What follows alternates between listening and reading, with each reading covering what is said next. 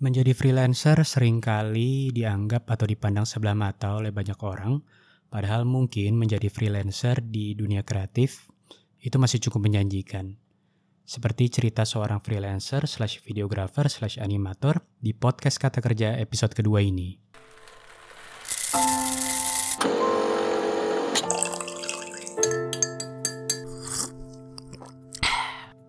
Halo podcast, kembali lagi bersama gue Karzani uh, di podcast Kata Kerja episode kedua. Sekarang gue udah bersama narasumber dan narasumber yang akan gue wawancara atau kita ajak ngobrol-ngobrol cerita-cerita sekarang uh, teman lama, teman lama gue. uh, dia seorang videographer slash animator juga asik. Banyak ya ininya superhero juga. Uh, ini namanya Adi. Angelo juga anjing. namanya Adi. uh, kayaknya lebih enak kalau gue persilakan untuk Adi memperkenalkan dirinya dulu. Oke. Haro, ha- haro, Ah, haro, Halo ya umat-umat podcast. Nama podcast siapa? Kata kerja. Ya umat-umat podcast kata kerja. Ya. Perkenalkan nama gue Adi Respati. Sebelumnya makasih udah diundang ya Dika ke sini. Ya, Eh gue mau yang jelas makasih loh. Punya narasumber. Kalau enggak, kalau enggak podcast apa ini? curhat sendiri aja. Iya. Iya, jadi gue ini bekerja sebagai saat ini masih freelance untuk bidang videographer, animator juga, bikin motion graphic gitu dan kadang-kadang edit juga, ngedirect untuk beberapa konten-konten eh, digital untuk kebutuhan brand ya. Ya kayak video tutorial juga, kayak semacam video ads juga ya. Ads-ads yang kalau lu nonton di YouTube suka lu skip. Please jangan kalau enggak nanti gue nganggur dan gue akan membebani negara ya. Ya, Tolong ya, itu. dibantu, please, Tolong please banget. jangan di skip. Ah, jangan di skip. Demi kepentingan bersama ini. Kepentingan bersama ya. Oke oke oke. Eh, Adi, seorang videographer, animator. Dulu emang emang emang ini ya di eh, kuliah. Oh. Enggak kan ya? Maksudnya kuliah kuliah perfilman gitu, director atau videographer apa? Ada ada kuliahnya, cuma ya lebih baik sih kalau bisa kuliah kuliah ya ambil ya. Cuma Ah. kebetulan gua mungkin menempuh jalan yang agak berbeda. Ah, Gue sekolah seperti kalian sama lah. SD, SMP, SMA dan ya di di sekitar waktu itulah gua menemukan minat gua di bidang iklan. Emang gue suka iklan dari kecil, gue suka desain desain segala macem. Kemudian SMA gue memutuskan masuk FSRD ITB, namun tidak terima ya kurang kurang katanya. kurang beruntung, kurang, kurang, kurang, beruntung. kurang Sunda. Aduh, kumaha ya teh.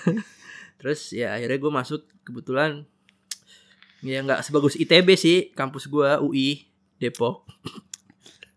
Ya itu eh, merendah untuk meroket ya. Ya, gue ngambil eh, fakultas FISIP eh, apa jurusannya komunikasi, ada Hmm. lagi pengkhususannya periklanan. Ya, di situ gue belajar mengenai ya teori-teori periklanan segala macam dan menemukan lagi nih ketertarikan semakin kuat di bidang video production. Gitu kan. Wow, iklan tuh lucu ya, bisa lucu. Pesannya padat, singkat tapi orang tuh bisa ke hook banget kalau emang videonya bagus, segala macam gambarnya bagus, ceritanya bagus.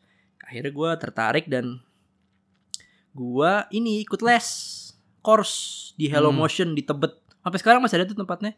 Dan banyak kok itu lulusan-lulusan di sana bagus kok. Itu belajarin mempelajari apa? Eh, Oh, di situ dia ada singkat gue sih dulu empat ya. Satu eh, animasi, animasi 3D kayak Toy Story gitulah ya, Hmm. bayangannya gitu. Ada Pixar Pixar. Pixar Oh. Pixar gitu. Ada yang animasi motion graphic ya lebih ke 2D gitu ya, ngegerak-gerakin grafis, ngegerakin teks segala macem.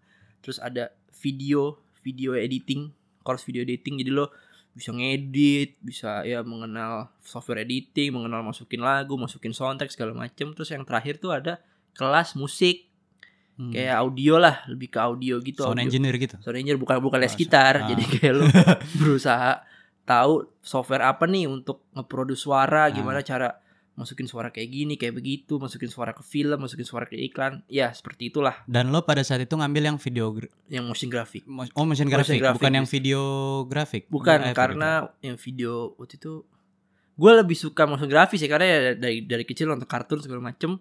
Nah di di kelas motion graphic itu waktu itu gue lihat emang di browser oh iya dia bisa bikin kartun gitu, Hmm. opening opening acara gitu kayak, Hmm. wih gue tertarik nih, ya akhirnya gue les di situ deh. Dari Hmm, situ. berarti kuliahnya sebenarnya dibilang inline enggak juga sih ilmu komunikasi dan advertising Iya. masuk lah ya. Ya, Cuman inline untuk sih. untuk skill set ke videographer animatornya itu Ya. ngambil di course gitu ya. Iya ngambil di Ah. course. Karena kan ya banyak kan sih kalau lulusan dari yang kuliah kayak gua ya ya akhirnya kerja di brand ujung-ujungnya jadi brand manager kalau udah sukses Hmm, gitu hmm, hmm, ngurus-ngurusin Mar- brand Markom lah ya. markom Hmm. ya jadi marketing manager ya gitu-gitu ya gua kebetulan ngambil dan tertarik oleh jalan lain aja gitu Berarti eh, timelinenya eh, ketika kuliah, kuliah tiga tahun. Enggak kuliah empat empat gua Ah, ya empat masih normal lah ya. Standar, empat. Asal jangan tujuh aja. seneng banget kuliah Tua di bangku kuliah. Kuliah. Eh, apa namanya? eh, kuliah 4 tahun. Di course itu berapa lama? di course itu tahun 2010 aja cuma cuma enam bulan lah Cuma enam bulan. cuma enam bulan course itu Oh. cuma enam bulan lah sampai dapat sertifikat waktu itu sih jelek nilai hasil akhir tugas gua di course itu tidak terlalu bagus tapi membuat gua mengerti prinsip software ini prinsip menggabungkan gambar menggerakkan gambar. Gue jadi mengerti. Ya gitulah. Yang penting aplik applicable aja ya. iya applicable Udah udah nilainya bagus nggak applicable?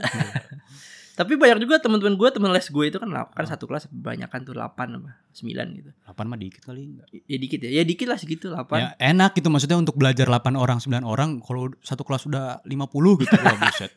50 Jemaah bangku bawa sendiri lagi bikin jemaah gitu. SD negeri itu Ah. mah di absen 48 faktanya 50 Gak tahu dua lagi masuk Dua- dari mana. dari mana uang SPP-nya ke mana saya jadi tahu Berarti udah berapa lama tuh total berarti dari Vcom les 6 bulan terus udah maksudnya eh, Oh. nyoba-nyoba bikin nggak saat itu maksudnya? oh eh, iya dong pastikan kalau lu baru bisa sesuatu lu ah, pengen kan kayak lu baru bisa pacaran pasti lu pengen pacaran lagi pacaran lagi ya kan akhirnya selingkuhannya banyak. selingkuhannya banyak ya ya gitu lah. Waktu itu baru bisa kan. Uh gue ngerti cara ngerekam gue ngerti cara ngedit gue ngerti cara nambah-nambah visual effect norak-norak Indosiar itu. Ya udah gue mulai ikut lomba. Ikut lomba. Ah, era-era itu iya, tuh iya. kayak mungkin era itu era yang cukup menarik ya karena video tahu sebelumnya kan era fotografi tuh SLR kemudian SLR mengeluarkan fitur video yang ternyata cukup terjangkau juga Hmm, kameranya. hmm, hmm, hmm. kayak mulai banyak lomba short film lomba-lomba eh, apa namanya lomba iklan lomba-lomba itu gue ikutin gue coba. Dan ada beberapa yang menang banyak yang kalah. Tapi Tidak ya, masalah. tapi tidak masalah. Yang tapi karena pengalamannya. tapi seneng sih maksud gua ya kayak karya lo masuk satu apa ya kayak satu ajang satu event gitu terus ada orang lain yang lihat ada yang ngomenin itu aja cukup cukup menyenangkan ya walaupun akhirnya kalah. Wah kalau menang sih jangan tanya senengnya. Gua kalau boleh yang nggak bakal ing- nggak bakal gua lupa ya mungkin titik balik titik balik gue juga tuh akhirnya gue deh berkarya di sini gitu Hmm. adalah itu tahun 2012 gue ikut lomba untuk CIMB Niaga Hmm, lomba mengiklankan CIMB Niaga gitu. Juara satu pak, gue sama teman-teman gue. hmm. Gila Oh aja. itu tim, tim, ya. tim, itu lah. bikin video sendiri emang anak Oh. sekarang, video sendiri, ngupload sendiri, ngomong Iya. ke HP sendiri, kaya sendiri. Kayak kayak ngerintis YouTube gitu pak YouTube. Nah, terus terus terus lanjut lanjut lanjut. Iya, rame-rame sama temen gue, tapi nggak rame banget sih. Paling cuma ber- ber- bertiga waktu itu gue, bertiga. Terus juara satu, uh lumayan tuh, dapat duit sama gue juara satunya itu ya mungkin kalau sekarang sih gue diketawain ya ala liburan ke Singapura aja seneng cuma waktu itu Hmm. gue dapat hadiah liburan ke Singapura Bro, ke li- liburan ke Singapura tanpa uang orang tua. Mau gaya nggak disubsidi, Iya. ya, uang sendiri. sendiri itu bener gue dikasih uang saku Hmm. sama gue dikasih tiket ya pastilah tiket pesawat tiket hotel apa gue hit gue itu di Marina pesawat pulang pergi kan? pulang pergi lah. Pergi doang. TKI dong gue pergi doang pulang Nunggu sendiri. dideportasi ya. ya itu gue senang banget sih. Gue nginep di Mille- Millennium Tower. Tadi Marina Bay. Tuh apa ya hotel? Ritz Carlton pak Hmm. Ritz Carlton terus gue nggak tahu tipe kamar apa cuma kamar itu ada ruang tamunya. Hmm. ada, ada kasurnya. Gue berdua sama temen gue cowok. Terus Lah, katanya bertiga, satu lagi. Iya cowok semua. Satu Oh. lagi lu mau ikut gak Ah, gua nggak ada paspor di waktu itu masih Aduh. kuliah. Ya udah nih uang hadiahnya buat lo semua. Gua nggak ngambil uang hadiahnya. Gua sama teman gue satu lagi kita liburan ya. Siap di. Ya udah nih duitnya gua kasih. Ini duitnya buat lo. Gue liburan ya. Siap kata dia. Ya udah gue liburan berdua dia menikmati uangnya kan. Nah, Terus ya udah gua di sana ya tuh gua ngerasa kayak oh iya lu kalau nekunin sesuatu ya ada ada hadiahnya ada rewardnya gitu. Walaupun lu kadang kalah lu kadang nggak dihargain tapi begitu momennya pas ya lu hoki juga ada penghargaan tuh gue bener-bener kayak gue di situ gue ngerasa bangga sih. Ya mungkin bukan penghargaan yang gimana gimana coba buat gue kayak buat seorang yang nggak diterima FSRD ITB ditolak-tolak gitu kan. Gue les doang terus gue bisa juara. Gue kan pasti ngalahin. Mungkin ada kali anak FSRD ITB yang ikut lomba yang sama kan. Saat itu dia kalah gitu. Gue merasa kayak yang aku yang anak itu iya. Pernah ikut lomba CIMB nih agak. gue Ya ada rasa kebanggaan Ada lah hasil hasil iya. keringat sendiri lah gue ya. mandi di bathtubnya itu di hotel gue gue ngeliat temen lo? Iya Ra- ya udahlah gue ngerasa gue oh iya bisa lah ini bisa jadi karir kalau lo seriusin pasti ada yang lihat suatu saat gitu Itu pada saat kuliah apa? Pas kuliah, masih kuliah Masih gua. kuliah. Oh. 2012 udah mau lulus sih tapi masih kuliah Berarti kuliah memang langsung menetapkan diri menjadi oke gue jual jasa gue sebagai ya mak- maksudnya lu sebagai brandnya gitu Adi eh, kayak sekarang itu kan gue gue kayak nggak enak hati gitu ngomong freelance pak. Self employed ya self employed mempekerjakan diri sendiri. Freelance. Eh, freelance. Ya freelance lah. Eh, itu langsung. serabutan juga. Serabutan. Enggak lah, serabutan kayak gimana?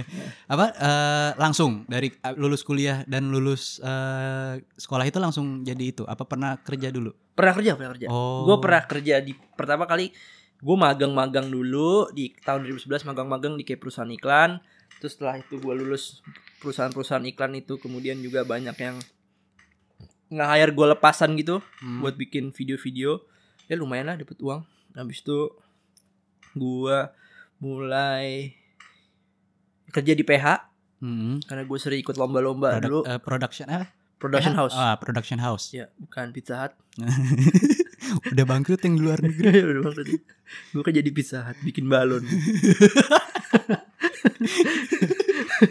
Ya gue kerja di Apa?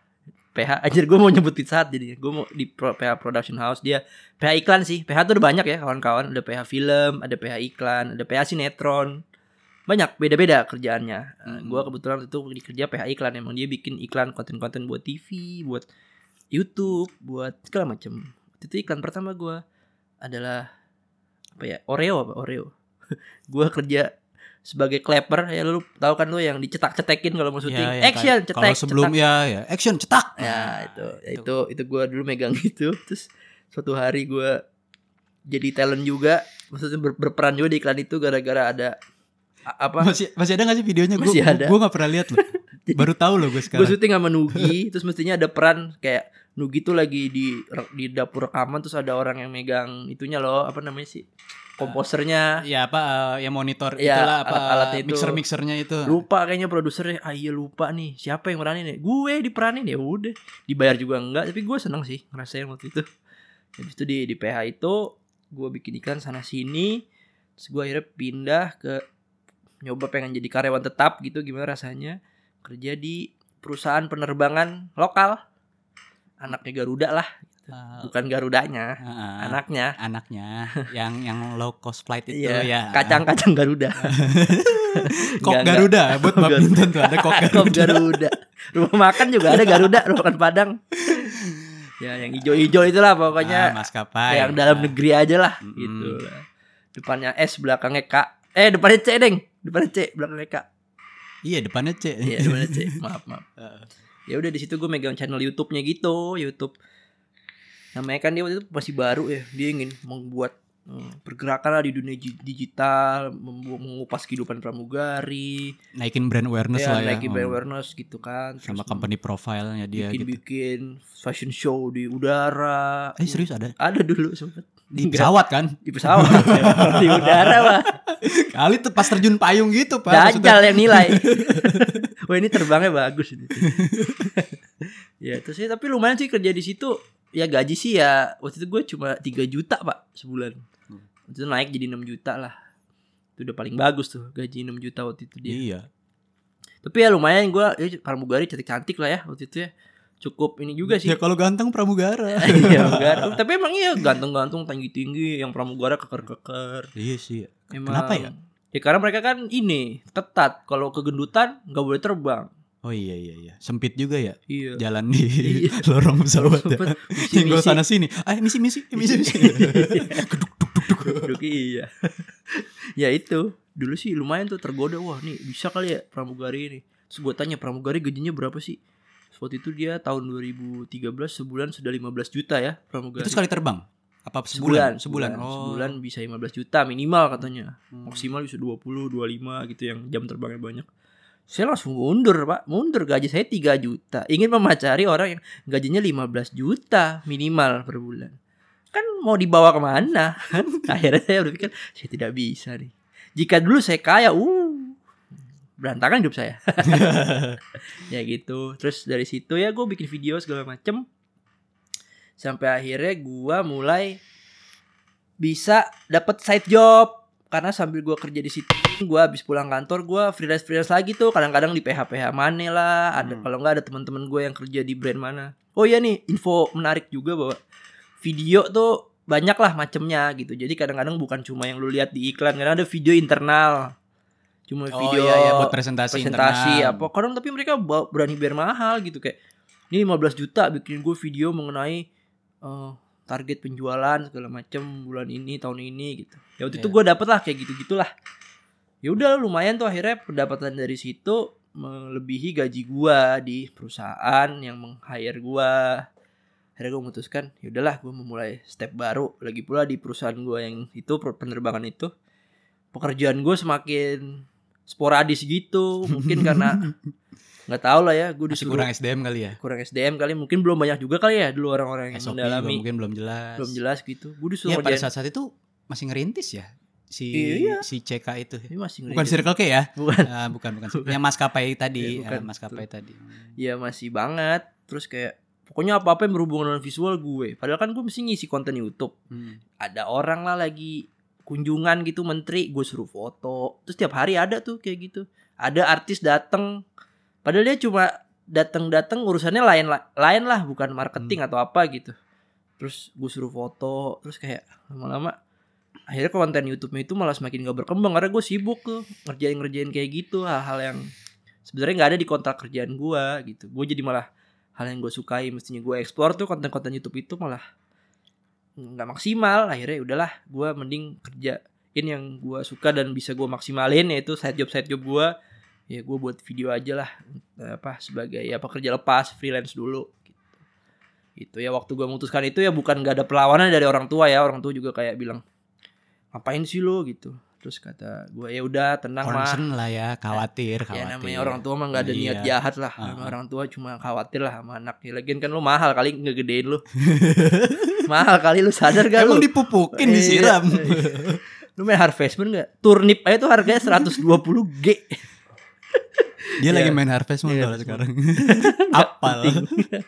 nah maksud gua ya idahlah gua bilang gua kasih pengertian cuma sebentar kok eh, cuma tiga bulan nyoba kalau nanti tiga bulan nggak ada lagi yang manggil nggak ada lagi yang order Adi cari lagi pekerjaan lagi pula Adi kan umurnya waktu itu masih berapa ya? 25 masih ada lah yang mau hire nunggu bentar gitu ya udah ternyata ya udah terjadi nggak nggak pernah juga nggak ada order dari tahun 2015 tuh gue September sampai sekarang ya sekarang agak Sampai- corona sih ya. Ah, agak sepi tapi ya bukan gua doang kali. Orang usaha apa semua sepi sekarang. Tapi menarik nih maksudnya kan alasannya apa nih? Maksudnya lebih memilih menjadi freelancer eh, daripada kerjaan kantoran nih? Maksudnya kalau kantor kan dapat income tetap lah ya Iya, iya, gitu kan fix ya. Cuman kalau jadi freelancer kan ada perspektif jeleknya gitu. Padahal mungkin memang nggak semua cuman ada perspektif jeleknya. Katanya kan income silih Oh, berganti datang. Silih berganti dalam artian kadang datang kadang tidak. Tidak Ka- kadang. Tapi sekali datang wah gitu. Iya lumayan. Kadang-kadang pas kan silih berganti Ah. begitu datang lu nggak ganti uang gue yang Oh. lama gitu. Bisa juga. Ya emang. Ya sih kalau dipikir-pikir kalau dipikir dengan akal sehat ya akal sehat manusia seutuhnya ya. Emang paling enak lu punya kerjaan di mana kerjaan itu reguler memberi lu gaji yang stabil tapi lu nggak terlalu berat ngerjainnya gitu. Kayak ya lu kerjain lah gitu. Tapi gaji lu juga mungkin nggak terlalu tinggi kesusahan juga nggak terlalu tinggi. Hmm. terus lu punya side job yang emang lu suka terus ngasih duit yang sama atau lebih gitu. Waktu itu gue pernah mengalami di titik itu. Gue kerja ya udah kalau emang gue disuruh foto-foto pejabat ya udah gue foto pejabat aja. Kontennya yang harusnya gue kerjain di YouTube sedikit aja gitu. Terus gue side job gitu tapi kan gue jadi ya jadi gimana ya jadi Jadi ini eh, kebanyakan juga ya. Jadi I- iya kebanyakan dan nggak maksimal gitu loh lu Hmm. paksain di dua itu akhirnya udah tapi emang bener sih nggak stabil gitu. Iya, eh, maksud gua eh, bukan bukan ya kepada freelancer mau disclaimer dulu ya, bukan saya mau bermaksud merendahkan. Maksud gua eh di freelance itu kan kadang-kadang eh eh, sebagai freelance itu kadang-kadang apa ya? Kayak ada ada ketika kita menjadi pegawai tetap gitu eh, benefit-benefit yang dikasih perusahaan juga gitu misalkan kayak mm, eh, apa ya kayak Asuransi. asuransi jaminan kesehatan gitu-gitu segala macam Hmm. terus juga kan eh, kadang-kadang ya yang seperti kita tahu bukan kadang-kadang sih sering yang Acap udah kali pasti terjadi. ya acap kali dan sudah pasti terjadi gitu kan yang namanya tagihan datangnya tiap bulan kalau tiap bulan itu tidak ada pemasukan tagihan itu kita bayar pakai apa Iya gitu. sih. Ya gua awalnya itu emang pindah karena lama-lama pekerjaan side job gue melebihi penghasilan gue. Hmm. Awalnya bisa sampai 2 3 kali gaji gitu. Terus akhirnya gue memutuskan ya udah seriusin aja di sini.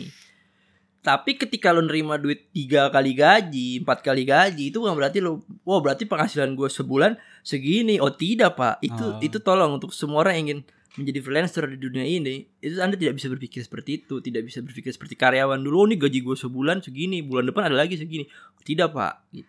Jadiin base-nya itu kayak waktu lo digaji aja. Misalnya lo gaji 6 juta per bulan, lo punya gaya hidup menyesuaikan 6 juta per Iya. bulan kan. Ah, Nah, begitu lu punya duit 24 juta sebulan, itu bukan berarti lu punya duit segitu untuk sebulan.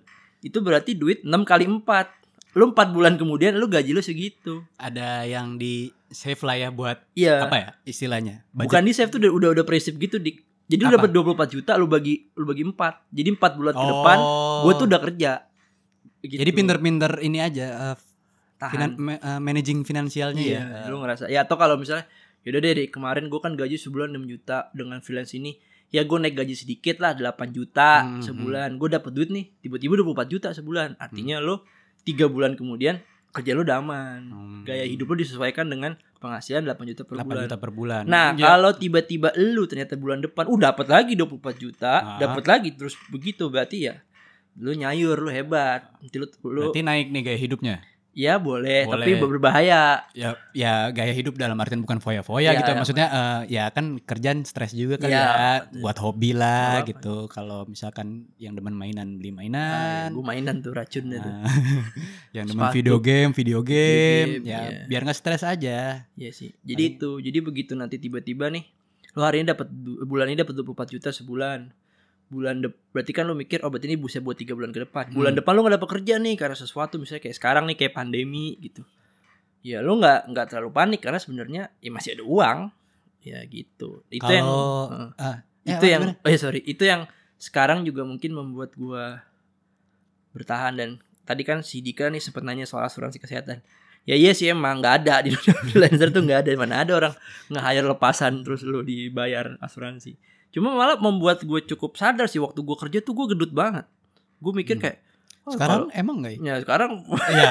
itu nggak tapi ada waktu luang untuk olahraga Iya, iya. Ah, ya jadi itu. imbang lah bisa ya mungkin kadang gue berpikir ya mungkin kantor tuh ngasih asuransi karena lo nggak punya waktu untuk menyehatkan Iya, diri lo ah, sendiri ah, ah, itulah benar-benar itu loh ganjaran lo begitu lo jadi freelance gitu kayak gue gue tuh ada kayak masa di mana misalnya gue ngumpulin duit nih Hmm. wah banyak juga nih kayaknya gue bisa deh sebulan nggak kerja. Gue tuh suka kayak gitu kadang-kadang. Gue sebulan nggak kerja tabungan kemarin gue gua pak pokoknya jaga gaya hidup Ah. jangan lebih-lebihan. Gue sebulan nggak mau nggak mau kerja dulu. Gue mau libur dulu atau gue mau olahraga dulu. Hmm. ya, gue merasakan freelance punya kelebihan itu walaupun kekurangannya. Nggak ada yang menjamin kesehatan lo kecuali diri lo sendiri. Hmm. gitu sih. Tidak ada yang sempurna. Ya yang sempurna nyala anda in the backbone krik Ah. krik krik krik dari waveform krik krik Ntar gue masukin ini ya, efek-efek jangkrik. nah, eh, masuk ah, gue pengen masuk ke kerjaannya nih. Eh masuk ke apa ya? Mau nanya-nanya lingkup kerjanya. Lingkup Pokoknya kerjanya. pokoknya intinya kita masuk nih ke dunia freelance animator atau videografernya si Adi ini. oke Lingkup kerja di, ngapain aja di berarti? gue emang kalau dibagi kali ya Mm-mm. sebenarnya sih hampir sama ya karena kan intinya lo membuat konten membuat cerita cuma bentuknya yang satu mungkin video lo nge-shooting Mm-mm. yang satu Misalkan lo animasi. animasi dari lo gambar lo desain terus Hmm. desainnya lo gerakin gitu lingkup kerjanya kalau animator dulu kali ya yang lebih pendek Ah, ya lo ya pasti lo ngedesain dulu nih eh Mm-mm. pertama sorry pertama kali banget lo ketemu klien Mm-mm. klien tuh curhat aja ke lo eh gue ada cerita ada masalah gini nih brand gue gue perlu cerita yang kayak begini tapi treatmentnya kalau bisa begini begini begini. ya lo kayak sebagai step pertama adalah pendengar yang baik men Mm-mm. lo harus dengerin oh dia maunya kayak gini Take dia note juga ya. ya Take take note Mm. nyatet sih pasti selalu bawa terus catatan habis itu setelah itu lo bakal bikin kalau gue storyboard dari masalah itu gue ngajuin storyboard storyboard tuh kayak rentetan gambar kayak komik lah Mm-mm. menjelaskan videonya tuh akan seperti apa jadi lo ya ngegambar ngedesain kadang-kadang tuh bikin storyboard juga ngasih ke klien gak harus sketsa bisa juga pakai foto gitu foto-foto yang lo rangkai ini orang lari ke sini ini orang lompat apa segala macem kasih ke itu terus ntar di storyboard itu gue lo juga bikin script gitu loh kayak karakter Oh, ini iya. ngomong apa karakter Hmm. ini ngomong apa segala macem Habis itu setelah selesai di approve semuanya ya udah lu mulai ngedesain sesuai storyboard lu mau desain kadang ngedesain bisa lu desain sendiri kadang lu bisa kerja sama sama ilustrator lain Mhm. tergantung kebutuhannya kadang lu bisa juga langganan Shutterstock tuh semacam Ya. situs-situs ah. buat desain desainnya lu rubah-rubah lu tweak-tweak habis itu lu, lu gerakin lu animasiin habis itu lu masukin lagu lu masukin sound effect lu masukin voice over voice over sih hire orang ya Mm-mm. kecuali suara lu bagus udah habis itu lo render jadi videonya lu present ke klien Ah, eh, yang tadi di eh, gu- Oke. gua kan dengar dari lo eh, misalkan memang kalau misalkan memang ada yang ada beberapa hal yang nggak bisa di handle gitu ya Eh, apa namanya kayak sub mem- mempekerjakan bukan mempekerjakan ya berarti ya maksudnya bu- lo lo sebagai freelancer gitu misalkan kayak minta tolong atau nyuruh Iya. nyuruh bukan nyuruh orang juga sih maksudnya kayak kerja sama sama orang lain ya kita bagi ininya bagi has bukan bagi hasil ya dia kan ada rate-nya juga tuh Mm-mm. Ya kita bayar sesuai rate-nya dia. Oh itu ya maksudnya eh, nantinya adalah eh, ketika lo eh, projectnya finish berarti projectnya selesai dapat eh, duit masuk. brand ya brand brand brand masuk eh, brand bayar bayar lo dapat uang masuk berarti nanti dimasukin Ya, ke rate-nya dia gitu. masuk ke rate-nya dia Oh, gitu, gitu, gitu. betul. Berarti dia ngirim invoice juga pada akhirnya Ya, pada akhirnya Ah, gitu cuma biasanya kalau gitu udah orang yang lo kenal banget sih. Jadi kayak Hmm. temen juga lu kerja Oh. sering kadang-kadang nggak pakai kontrak cuma itu nggak bagus ya Ah. kawan-kawan lebih baik pakai kontrak sih apa pun itu. Karena lu nggak tahu apa yang terjadi gitu. Karena susah juga ya Eh, apa namanya eh, menaruh kepercayaan kepada orang. Nggak bukan menaruh kepercayaan cuman iya kalau iya. base base trust aja kayaknya Iya, aduh, iya, too jangan. good to- to be true lah. Jangan jangan, Ah. jangan. Jangan jangan. Nah kalau videographer? Videographer ya, videographer tuh lebih banyak ya. Kompleks ya? Dia lebih kompleks sih tapi Kayak- awalnya kayak, sama. kayak bikin film gitu iya hampir kayak bikin film tapi pendek. Ah, jadi kayak eh, lo ketemu klien curhat mereka oke terus akhirnya pertemuan pertama tuh pertemuan kedua akhirnya lo ngebawa konsep. Konsep itu biasa sih gua udah bawa storyboard ya kayak Hmm. tadi terus Hmm. ada reference gitu loh kayak ini videonya mau kayak gini orang lebih baju pemerannya kayak gini pemerannya tuh cewek yang pakai jilbab atau cewek pakai tank top atau apa segala ntar- nyari talent tuh? Iya nyari talent. Oh. Nah biasanya tuh ketika udah semuanya di approve gitu oh ya talentnya mau kayak gini ceritanya mau kayak gini segala macem mulai dari itu kita nyiapin pre productionnya tuh kayak casting nyari nyari nyari nyari nyari talent talent itu semua yang lakukan ad- pada Oh, akhirnya biasanya- adalah tim biasa- tim lu atau tim lu tim. lu dan gue tim gue berdua sih Ah. gue berdua gue lebih ke sisi kreatifnya Mm-mm. ngonsepin ngasih referensi bikin storyboard bikin script nanti gue ngedit juga pas hari syuting gue ngedirect nah temen gue nih partner gue satu lagi ini lebih ke sisi produksi Mm-mm. produser. Dia tuh nanti nyari talentnya mau kayak gimana berdasarkan arahan gua. Dia yang nanti apa eh, lokasi nyari lokasi yang paling mungkin sesuai budget segala macam terus nanti dia juga yang apa namanya eh, nyari-nyari kru-kru yang dibutuhin gitu. Oh kru kru berarti eh, eksternal lagi ya? Ya eksternal lagi. ya. kadang-kadang bisa juga kalau budgetnya emang emang tipis banget ya udah temen gue itu megang kamera segala macem ya gue ngerjain juga segala macem. Gitu karena memang di kalau di videographer tuh kita kan nggak mungkin ngerjain semuanya Hmm. kerjaannya kan banyak. Iya. masa lu direct juga. Post lu, production juga ada ya, lagi kan yang lu dikerjain. megang megang lampu juga. Lu neriakin talent juga. Lu bawa catering juga. Wah lu siapa anda? Jin jin Nabi Sulaiman.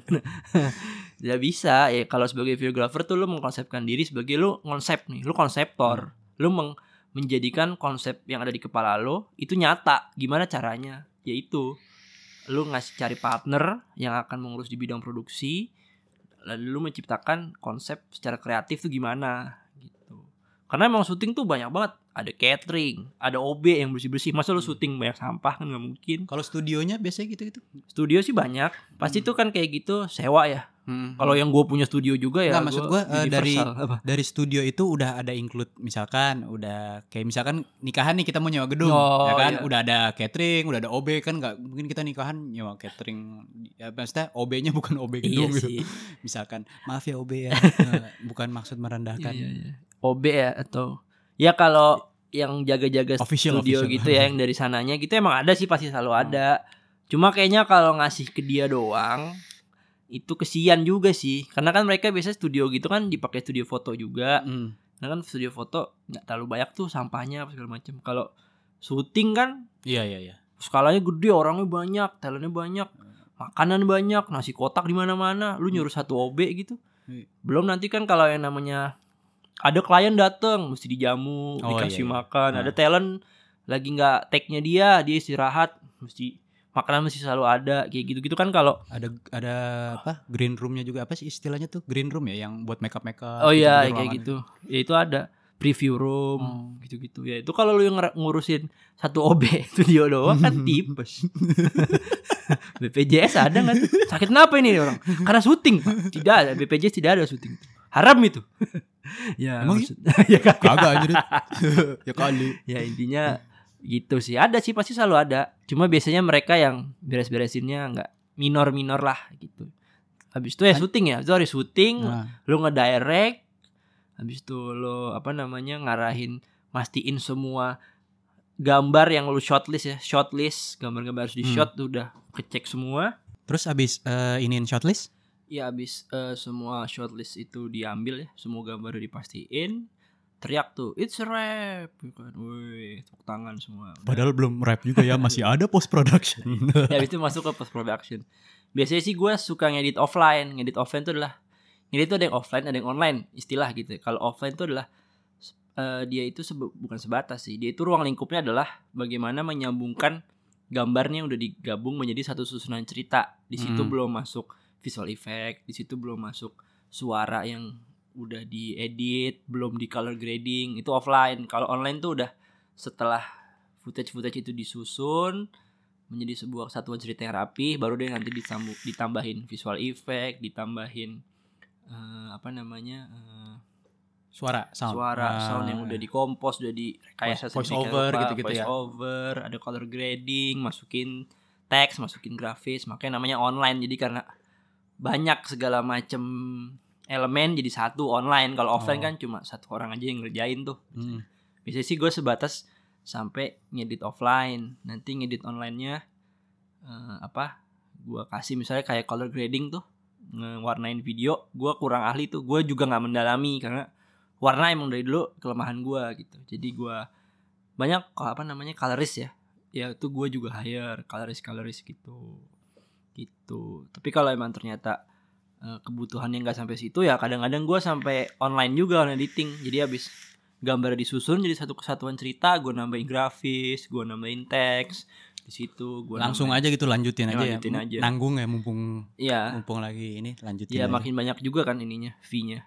Hmm. karena kalau dibayar sebagai apa gitu? Offline editor oh sendiri. gitu gitu gitu. Online editor sendiri musik komposer sendiri ada lagi grafik sendiri. Ya kalau lo bisa ngerjain semua ya fee lo makin cutnya makin banyak. Kayak main GTA aja lah.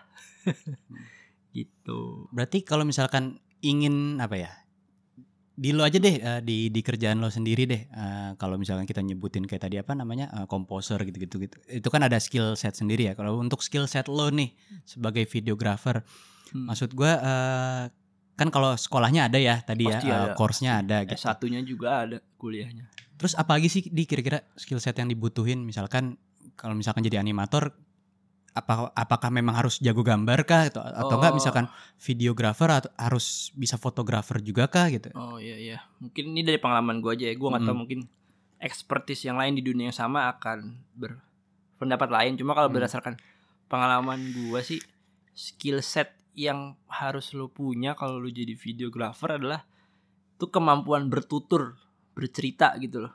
dengan rapih gitu. Karena untuk kita bisa punya ide yang luas, luar biasa, amazing lah segala macam. Tapi kita nggak bisa menuturkannya secara rapi. Oh, misalnya kita mau gambarnya adegan horor, oh berarti mesti adegan ini dulu. Nanti di adegan ini karakternya ngomong apa, baru eh, nanti dia ngomong apa, baru pindah ke adegan selanjutnya atau harus balik lagi flashback ke adegan yang sebelumnya.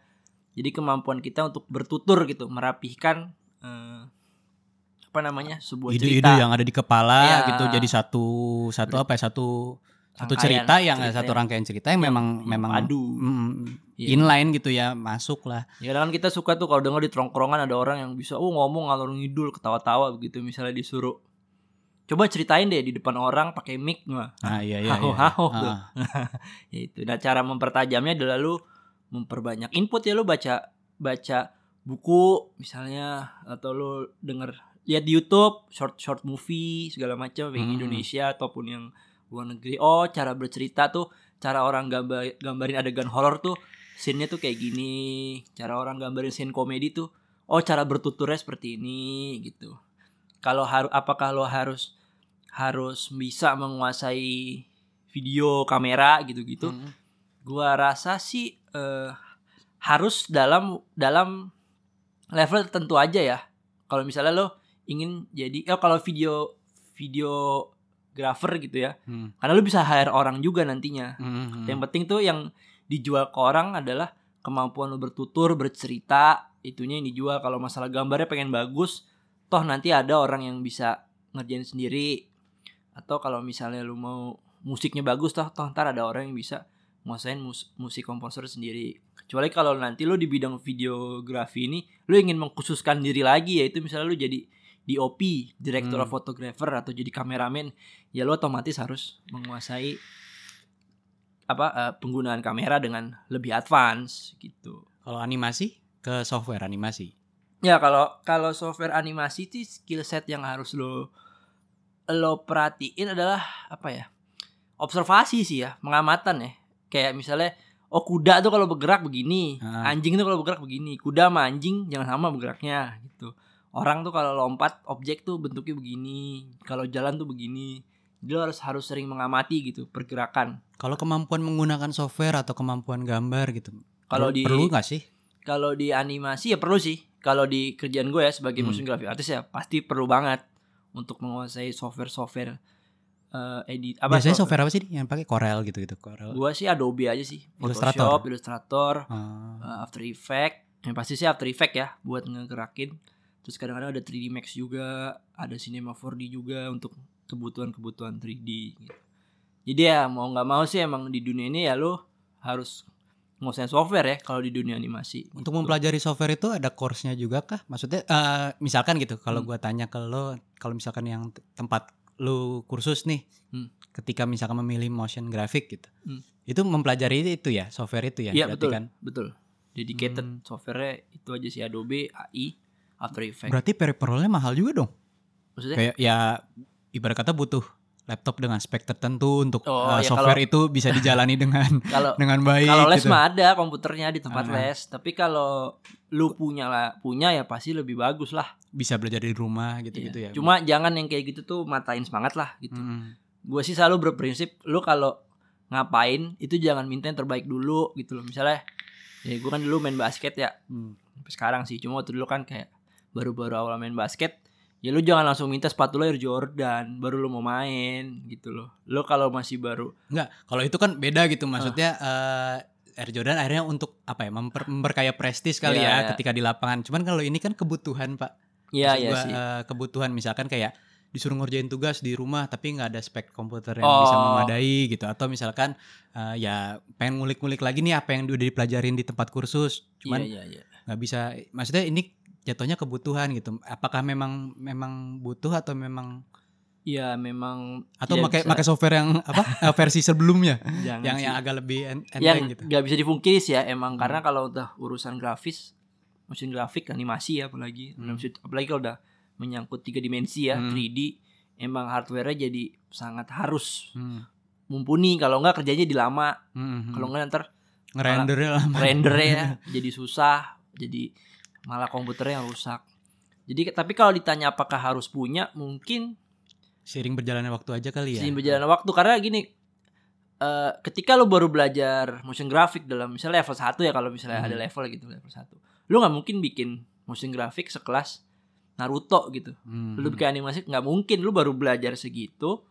eh, lu paling baru bisa gerakin bola gitu bergerak dari satu Mhm. titik ke titik lain ya which is tuh nggak perlu apa namanya spek yang mumpuni banget itu udah bisa gitu seiring waktu nanti mungkin lo akan nemuin pekerjaan dengan skill gitu misalnya oh gue udah bisa gerakin teks grafis segala macem Hmm. yang cuma tuh di dua dimensi dua dimensi ntar lo mungkin mulai dapet job-job kayak bikin opening opening TV nah tuh kan tuh punya duit tuh. Nah, ntar lo tabung tuh lo tabung ya mulailah lo nyicil rakit PC misalnya pelan-pelan. Nah habis itu lo makin ini juga kan skill apa Motion makin improve lo juga. makin improve oh gue sekarang udah bisa bikin karakter manusia berantem dengan manusia Hmm. lain Atau stickman yang Iya, zaman di, stickman. di YouTube tuh kan Iya, banyak dulu. stickman. wah kan tuh naik tapi PC lo juga makin kerakit mulai deh tuh mumpuni dapat pekerjaan lain mungkin animasi sederhana gitu dapat duit lagi rakit lagi PC lo sampai akhirnya skill lo pun akhirnya ngikutin gitu oh skill gue udah segini perangkat gue segini tapi kadang-kadang bisa juga skill lo ternyata Hmm. jauh lebih dulu wah gue udah bisa gini tapi eh, apa namanya hardware gue nggak mendukung gitu ya bisa juga sih kalau lo pinjem ke temen Iya. gitu atau Di warnet. ya atau lo atau lo ngerjain tapi nggak di render Hmm, kadang oh. bisa juga tuh karena kan yang berat tuh kan ngerender Ada tuh. ya jasa ngerender ya kalau nggak salah. Kalau ada salah ada ada kan ada, yang jasa ngerender. Cuma mahal tuh Iya sih. maksudnya kalau perorangan juga berat juga sih gitu lo apa ya ya coba dulu aja kalau nggak lu minjem atau ke tempat les misalnya lu les bisa juga sih dia di jam-jam free-nya lu bisa minjem gitu. Intinya adalah eh, kalau emang udah passion, emang tertarik, jangan patah semangat. ya karena pasti nemu nemu jalan lah ya. Hmm. ya walaupun jalannya nggak selalu sempurna gitu. Tapi iya sih pasti pasti nemu begitu lo suka gitu. Misalnya lo suka sesuatu lo kan pasti mengorbankan sesuatu kan. Ah nih gue ada duit nih gue bisa nih ngerakit PC tapi gue pengen beli sepatu ya karena lo suka itu sama animasi sama motion graphic ya udah deh sepatunya nanti dulu malah lu bisa sampai se ekstrim ya udahlah gue masih punya sepatu sepatu gue jual Hmm. gue nambahin apa eh, grafik grafik card Ah. supaya gue bisa bikin 3D render previewnya enak ya, tapi ya sih seriusin aja gitu Prioritasin aja kalau memang memang nantinya tertarik gitu kan. Iya. Emang emang kalau tertarik banget, kalau passion banget ya. Iya.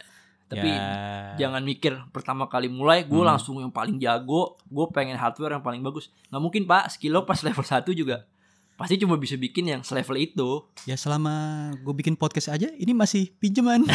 iya betul pak Nyoba-nyoba dulu ya. Nanti mudah-mudahan ke depannya emang begitu emang Hmm. begitu emang begitu mau karir apa pun pasti gitu kalau misalkan kalau videografer gitu kamera ya pakai HP dulu gitu ya. pakai HP karena HP dulu. bagus atau sewa Oh ya HP sekarang jangan canggih ya. Jauh. Udah bisa 4K loh. Jauh Ada dari beberapa zaman kita dulu. 4K.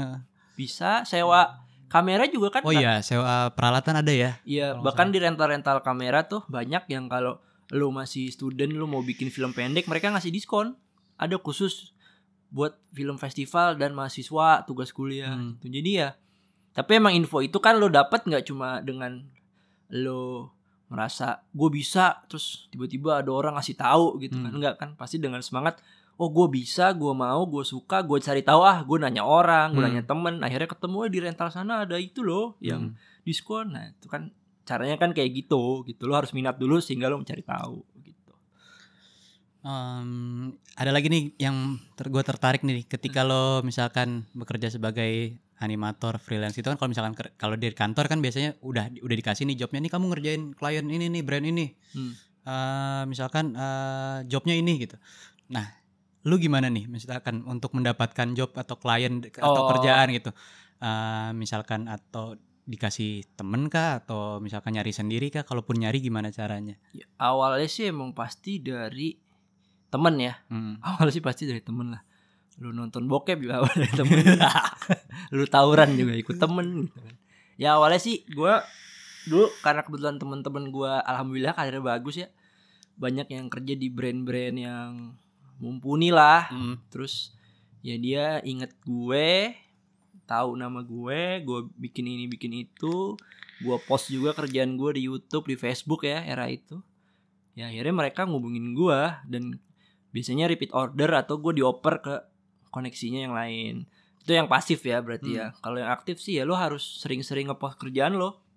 Sekarang kan ada Instagram. Hmm. Kalau gue dulu di YouTube, di Facebook, lo coba Sebagai portofolio tuh di ceritanya. portfolio aja, ngepost lah. Eh tapi eh gue penasaran deh, eh, brand itu bermasalah nggak? Misalkan eh, lo kan udah udah ngerjain satu ini nih Hmm. eh, project buat brand. Hah. Biasanya kan project itu bukannya diambil brand itu ketika lo post sendiri atas nama pribadi lo misalkan di Instagram atau itu itu boleh diperbolehkan Biasanya sih di nggak mereka nggak masalah ya. eh, Karena sebagai- kan kita kita kan bukan brand lain, mesti gimana ya? Kayak kita kan mempromosikan bukan itu video milik kami, Hmm. tapi ini video kami yang kerjakan. oh. Beda kan gitu. Dan mereka juga merasa terbantu ya Iya. diiklankan juga di Iya, iya. Instagram. Ya misalnya ada kontraktor bangunan ngiklanin rumah lo nih rumah yang udah pernah saya kerjain. Ah. Kan lo juga ya nggak marah juga kan. Emang benar dia yang ngerjain, cuma punya gua gitu. Ya kayak dulu waktu di media kan gue kayak misalkan ada campaign apa gitu misalkan Eh, gue yang misalkan idenya dari gue gitu Hmm. ya kayak ya ini jadi milik perusahaan gitu ini jadi milik majalah ini jadi milik ini jadi kayak ya gue nggak bisa bawa konten atau event itu keluar lagi gitu loh maksudnya. Oh, mungkin bisa dibikin sejenis cuman kalau yang persis banget kayak gitu ya kayak gimana ya? Pokoknya segala segala gim- gimana sih gue ngejelasin juga susah ya? Ya kalau karena emang kalau lu buat apa pun itu pasti emang punya mereka. iya. Lu buat video, lu buat campaign, lu buat apa pun emang pasti jadi punya si perusahaan pembayar. Cuma kan di situ lu bisa ngepost dan mendes- mendeskripsikan ya. Kalau di dunia gua nih, misalnya video nih ada video iklan. Tuh kan yang ngerjain kan banyak tadi departemennya. Hmm. Ada kameramennya, Hmm. ada DOP-nya, ada itu lu sebutin semua. Eh, Bisa iya, DOP apa sih? direktur fotografi. Oh, Jadi dia tuh iya. yang bertanggung jawab segala apa pun yang bentuknya gambar Eh, untuk eh, apa eh, dalam sebuah konten visual gitu ya. Ya gue sih gitu kalau ngepost. Ini ngepost, ini karya. Gue nggak bilang karya gue, ini Hmm. video untuk misalnya Brand ini, brand ya. ini. Sutradara gue, Ah, produser temen gue, ah. soundman-nya siapa, editornya siapa gitu. Ininya siapa. Jadi itu menunjukkan itu bukan punya lo tapi punya kolektif Ah, iya, gitu iya, iya. sih. Jadi jangan kayak ini video untuk Blue Band. Eh, apa video milik saya apa jangan menyatakan tuh kepunyaan lo gitu. Itu kan memang kepunyaan kolektif gitu. Tapi made by. Made by gitu. Eh, made by apa? Iya, made by ya. Iya benar, tapi ya itu detail misalnya ini brand ini agensi iklannya ini, Ah. PH-nya ini, produsernya ini. Ada roll of credits-nya lah ya. Iya, jadi ya nggak menunjukkan. Nah, punya Udah dapet nih job, udah dapet nih klien. Ya dapat nih. Ah, nentuin harga gimana tuh misalkan ya harga gue segini gitu Oh. atau atau gimana atau perjasa misalkan kayak tadi lo cerita eh, ya gue sebagai misalkan eh, videographer doang atau misalkan director of photographer eh fotografi doang gitu budget gue nilai gue segini gitu harga gue segini. Atau emang full package. Oh, maksudnya- ya ketika lo ketik misalkan gue brand gitu. Ah. di gue pengen bikin iklan ini dong tapi iklannya misalkan kayak bikin acara masak-masak atau misalkan iklannya misalkan bikin acara balap apa bikin model balapan gitu. Iya, sebaiknya sih mereka nanya kisaran harganya berapa mas? Gitu. oh. Langsung aja bilang ya full nah package. nentuinnya gimana? Full package-nya itu memang nentuinnya sih kalau dulu gue pertama kali kan gue kerja di PH ah gue kan ikut PH tuh gue suka ngintip-ngintip gitu loh kayak catatan-catatan Ah, invoice ah. gitu-gitu tuh gue baca. Terus kayak oh harga sutradara tuh segini oh harga ini tuh segini oh harga pokoknya segala elemen yang membentuk video itu jadi itu harganya berapa tuh gue gue ngintip gitu. Di Citylink juga dulu eh, waktu gue megang konten YouTube kan kadang-kadang sih ya bikin apa? Eh, sorry sorry. Waktu gua kerja di kantor yang lama tuh perusahaan penerbangan swasta itu ya. Dia kan kadang-kadang bikin TVC itu kan Hmm. yang bikin bukan gue kan yang bikin Hmm. kan kayak PH lain atau agensi lain. Tapi kan invoice-nya bisa ada di meja marketing tuh. Iya iya. Nah itu gue emang gue kalau nggak ada orang gue lihat. Itu semua itu gue catet gitu. Oh harga sutradara segini harga ini segini. Oh sutradara sekelas iklan tuh segini. Ntar ada lagi PH yang lebih kecil tuh selalu gue lihat gitu harganya berapa. Suka ada yang komplain gak sih? Oh kerja apa misalkan Ah. kayaknya nggak segini deh harganya gitu atau ya bukan komplain sih nawar, nawar misalkan. pastilah pasti. Pastilah pasti hukum pasti, ekonomi ya. Pasti pasti. Pasti lu nggak mungkin nggak ditawar sih. Ah, karena ya mereka juga pasti kan mencari yang ter- terbaik dengan harga termurah ya. Cuma ya lo emang harus cari tahu harga tuh ya dengan kayak misalnya lu jadi videografi tadi gue bilang kan lu jadi memposisikan diri sebagai sutradara. Hmm. tapi lu perlu DOP lu perlu editor yang lain lu perlu visual effect artist mungkin yang Hmm. lain. Ya lu tahu dengan harga dengan cara lu nanya rate mereka. Gitu lu tanya rate mereka. Rate, rate lu berapa nih kalau bikin video gini nge-color grading konsep video segini? Atau lu kalau ngerekam video kayak gini DOP kamera segala macem itu berapa? Tanya ke mereka. Nah nanti harga mereka udah tahu lu simpen terus lo lo hargain diri lo berapa untuk ngedirect. Ya tahu dari harga lo berapa emang lo harus sering ngobrol-ngobrol sih. Hmm. supaya lo juga nggak ngerusak harga kan. Iya iya iya.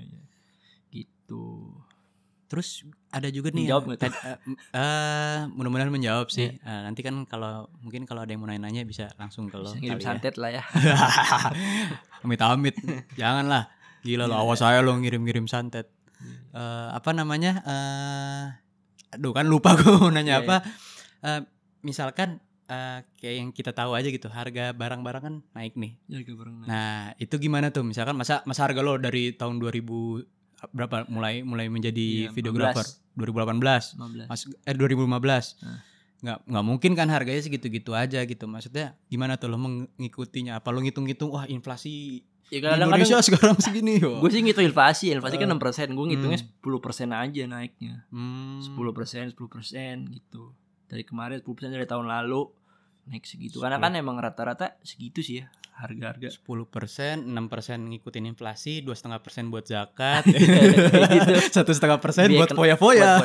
Gue itu sepuluh persen, sepuluh persen gitu. Tapi kadang-kadang juga tergantung zamannya sih nih. Kayak sekarang nih, ini kasus yang unik nih, pandemi. Iya ya.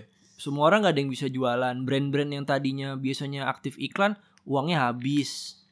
Akhirnya budgetnya juga jadi nggak masuk akal. Dan ketika emang kayak gitu, rate lu jadi kemahalan, rate lo yang biasa. Ya lo harus akhirnya nyesuain gitu. Bahkan gue kadang berangkat dari budgetnya mereka Hmm, hmm, hmm. ada budget berapa mas? Cuma segini. Ya karena dengan pengalaman, oh kalau ada budget segini bisa kok walaupun mungkin murah banget, tapi yang kita kasih cuma bisa segini. Kita kasih konsep gimana caranya yang sesuai dengan budget, eh tapi tetap bisa di kitanya tuh nggak rugi-rugi bandar gitu loh. Berarti Tetap per untung. project akan berbeda ya? Nggak nggak nggak mungkin sama ya? Maksud gue, gue pikir tuh kayak kayak kayak apa ya? Kayak misalkan kayak aduh dokter gitu misalkan. Ya Iya. kalau lo eh, check up ke dia gitu. Eh bener gak sih check up bahasanya? Ya pokoknya Iya, untuk meriksa ke dia gitu Ah. kan. Eh, ke dokter ini ya rate-nya segini, segini, segini, segini gitu. Gue pikir tuh akan sama gitu loh. Ya tergantung ini juga sih. Tergantung budget juga ya maksudnya. ya videonya kan video tuh kan luas ya. Misalnya Hmm. lu ngomong eh gue mau buat video 3 30 detik. 30 detik. Luasnya tuh dalam artian apa sih? Gua awam Konsep soalnya. sih, konsep sih, konsep mah. Jadi gue paling ngomong tuh start from mulai dari segini mbak. Hmm. Misalnya syutingnya, iya saya mau syuting kayak video ads gitu 30 detik. Ya kira-kira syutingnya ada satu talent di satu lokasi. Dia kan Hmm. bisa ngomong kayak gitu. Oh hitungannya satu talent, start satu from, lokasi, ah. nah gitu. Nah itu, eh tapi terkadang itu pun kenapa kenapa start from ya? Karena mulai dari karena nanti bisa juga ternyata dia cuma satu talent, satu lokasi, tapi saya mau ada naganya ya. Nah itu kan berarti lu perlu visual effect kan? Iya kan? Bisa jadi Iklan kan? apa Nah, pakai naga? misalnya. Atau lu, saya mau syuting nih buat produk minuman gitu. Ceritanya eh, apa? Talentnya minum, terus habis itu dia seger, habis itu dia lari pagi gitu. Ya kalau dia ngomong begitu kan nampaknya simpel ya. Hmm. Tapi pas udah ada obrolan lanjut kan kayak bisa aja konsepnya berkembang gitu. Dia dia minum air terus airnya berubah gitu kan. Hmm. jadi cairan yang membentuk orang terus dia lomba lari sama Sama cairannya cairan Ah. itu. Terus habis itu dia ketabrak mobil. Nah itu kan jadi susah kan. Makanya gua nggak bisa ngasih perkiraan harga pas tapi gue selalu bilang mulai dari Hmm. gitu. Dari mana? Indikatornya pertama nih buat TVC atau digital. Kedua dia pakai talentnya tuh eh mau Berapa yang banyak? artis Oh, atau yang mau kayak gimana gitu kemudian kira-kira syutingnya berapa hari ya kayak begitu begitu sih Ya, itu emang nggak bisa lo ketahuin kayak lo mau beli aqua gitu aqua harganya segini Hmm, hmm, hmm, hmm. Karena Gue pikir, emang- pikir tuh memang misalkan ya kalau lo mau- pakai jasa gue gitu eh, sebagai Adi misalkan sebagai videographer ya rate gue segini gitu. Gue pikir tuh tadinya kayak gitu. ya paling start from Start from Start ya. from ada range harga lah ya. ya mulai dari mulai dari. Mm, Hmm, gitu, hmm, gitu, hmm, gitu, hmm, gitu. Nah, gimana Sudah tertarik atau menjawabkah pertanyaan dari Atau Adi? bingung? Atau bingung? Ya, ntar tanya-tanya orang langsung Iya. deh. Atau enggak jangan jangan nanya-nanya gue deh, gue juga nggak ngerti. Ini makanya gue nanya-nanya Adi biar ngerti gitu. Iya. Dunianya Adi tuh kayak apa? Kayak misalnya gue tuh ya emang punya red card sih. Mm-mm. Ya itu tapi red card itu start from. Misalnya lo mau buat video motion graphic durasi segini. Gue udah ngitung-ngitung nih, oh kira-kira kerjanya berapa hari, gue perlu beli lagu atau enggak.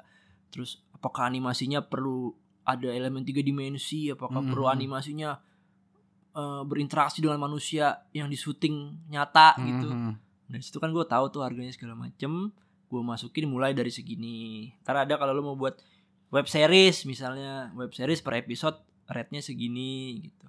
Tapi itu untuk untuk tahu emang lo harus tahu segala eh, fee dari orang-orang yang mendukung produksi itu, kameramen berapa, lighting man berapa. Taunya gimana ya lo harus ada di industri itu cukup lama gitu. Makanya sering banget ada orang yang ya dia dia baru bisa nih, baru menguasai software, baru Hmm. menguasai kamera, Langsung jual jasa. langsung jual jasa tanpa ikut dulu ke orang, kerja dulu di PH. Akhirnya ya udah dia merasa oh ini gampang kok. Ya dia jual aja se segimana dia Hmm. gitu.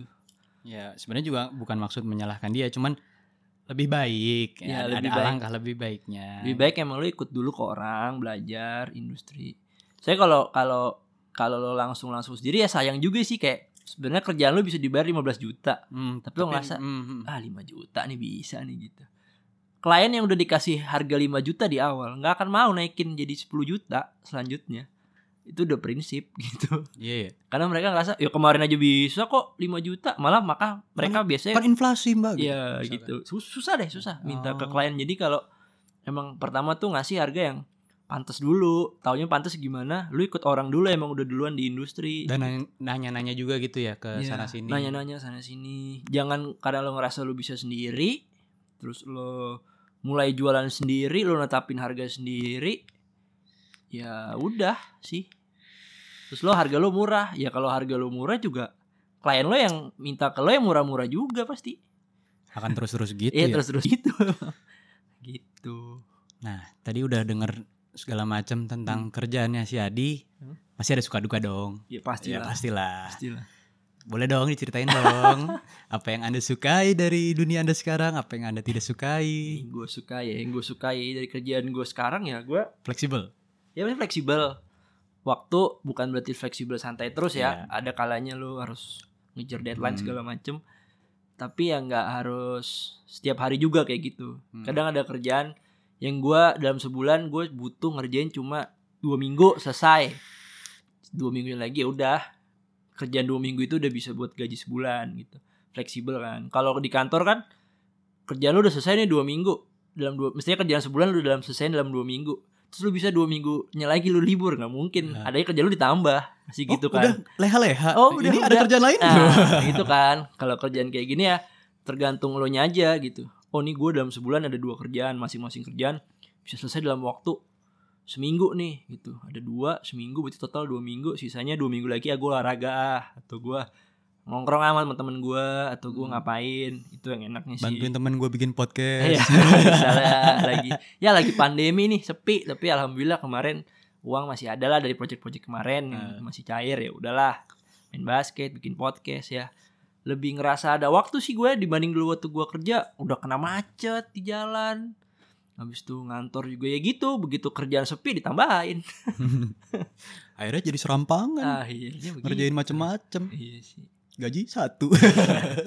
ya kadang-kadang gitu Iya. tapi kan dibayar asuransi Ah, ah, tapi ada benefitnya. Kita tidak menyalahkan ini ya, apa namanya kerjaan Oh, kantoran tidak, juga. tidak, tidak kita cuma ngasih perspektif nih dari sudut pandang Adi sebagai freelancer atau self employed Ya. di dunia foto apa videografer, eh, animator juga ya. Ini eh, konteksnya. Nah, dukanya. ya dukanya ya itulah tidak ada kestabilan.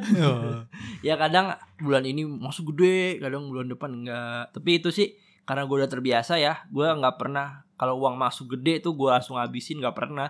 Gue ngerasa ini gue masuk gede sebenarnya ini adalah kerjaan gue berapa bulan ke depan nih yang gue Hmm. dapat aja duluan Mm-mm. di waktu itu. Terus sama ya susah jelasin ke mertua kerja apa Oh iya iya. susah banget itu Aduh. wah susah banget Ya kadang-kadang ada masih banyak sentimen negatif ya stigma-stigma negatif tentang freelancer ya padahal ya yang yang gue tahu juga Duitnya banyak sebenarnya ini.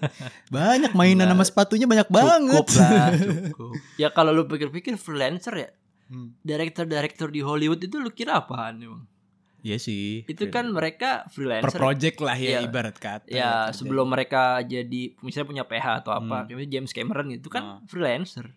James Cameron terus kayak Michael Bay. Cuma karena mereka freelancer yang ultimate ya, yang apa namanya relasi mereka udah studio kayak Hmm. Universal ya apa eh, relasi studio-studio gede film Hollywood Hmm. mereka nggak pernah kehabisan kerjaan malah mungkin mereka nolak-nolakin kerjaan ultimate tuh freelancer ultimate cuma ya kan di di negara ini kan yang penting stabil Hmm. kerja gaji tiap bulan naik haji Amin. amin Amin naik haji, pulang-pulang jadi paji. ya, Ya. udah, udah selesai cuma ya ya ya tetap sih gue lebih suka seperti ini nanti mungkin ya tapi ya mungkin ada target kali ya walaupun lo fleksibel lo jadi habis self employee lo punya perusahaan kecil Iya. punya menengah itu jadi perusahaan besar mungkin Bikin PH sendiri. bikin PH amin. sendiri, amin. Atau Kan. mungkin nanti habis jadi PH lu bikin perusahaan media ya. Kalau PH kan sebenarnya istilahnya dalam tanda kutip, maaf nih ya, kawan-kawan kuli ya.